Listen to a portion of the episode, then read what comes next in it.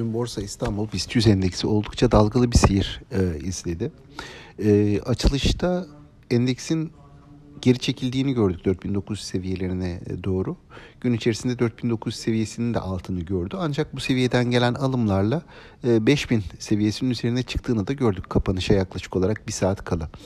E, fakat yine kapanışa yakın satışlar gelmeye başladı borsada ve bu satışlarla birlikte günü de yine 4900 seviyesinden kapatmış oldu ve günlük düşüşte yaklaşık %1,4'ü buldu.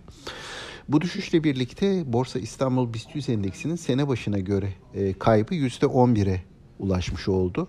E, baktığımız zaman alt endeksler bazında e, artıda olan hisse sayısı gayet az. Endeks bazında da cam ve çimento sektör endeksiyle yine e, metal eşya yani otomobil ve e, dayanıklı tüketim grubunun yer aldığı endekslerin nispeten daha e, olumlu bir performans gösterdiğini, bunun dışındaki hemen hemen tüm endekslerin eksi de olduğunu görüyoruz.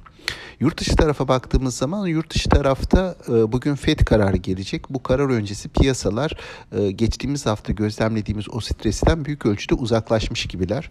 E, bu sabah itibariyle de Asya piyasaları alıcılı. Dün ABD borsalarında alımlar vardı. Yurt dışı taraf şimdilik hisse senedi tarafında daha iyimser bir eğilim sergiliyor denebilir. E, Borsa İstanbul ise az önce de belirttim e, olumsuz bir ayrışma gösteriyor son dönemde. Bu hem e, kar döneminin sona ermiş olması hem Türkiye'ye özgü risk ve beklentiler e, buna sebep oluyor diye düşünüyorum. Bugünkü piyasa e, görüntüsüne baktığımızda yurt dışı tarafın çok olumsuz bir etkisi olmayacağını tahmin ediyoruz. Bununla birlikte yurt içi dinamiklerin yine hisseleri baskılamaya devam edebileceğini öngörüyoruz.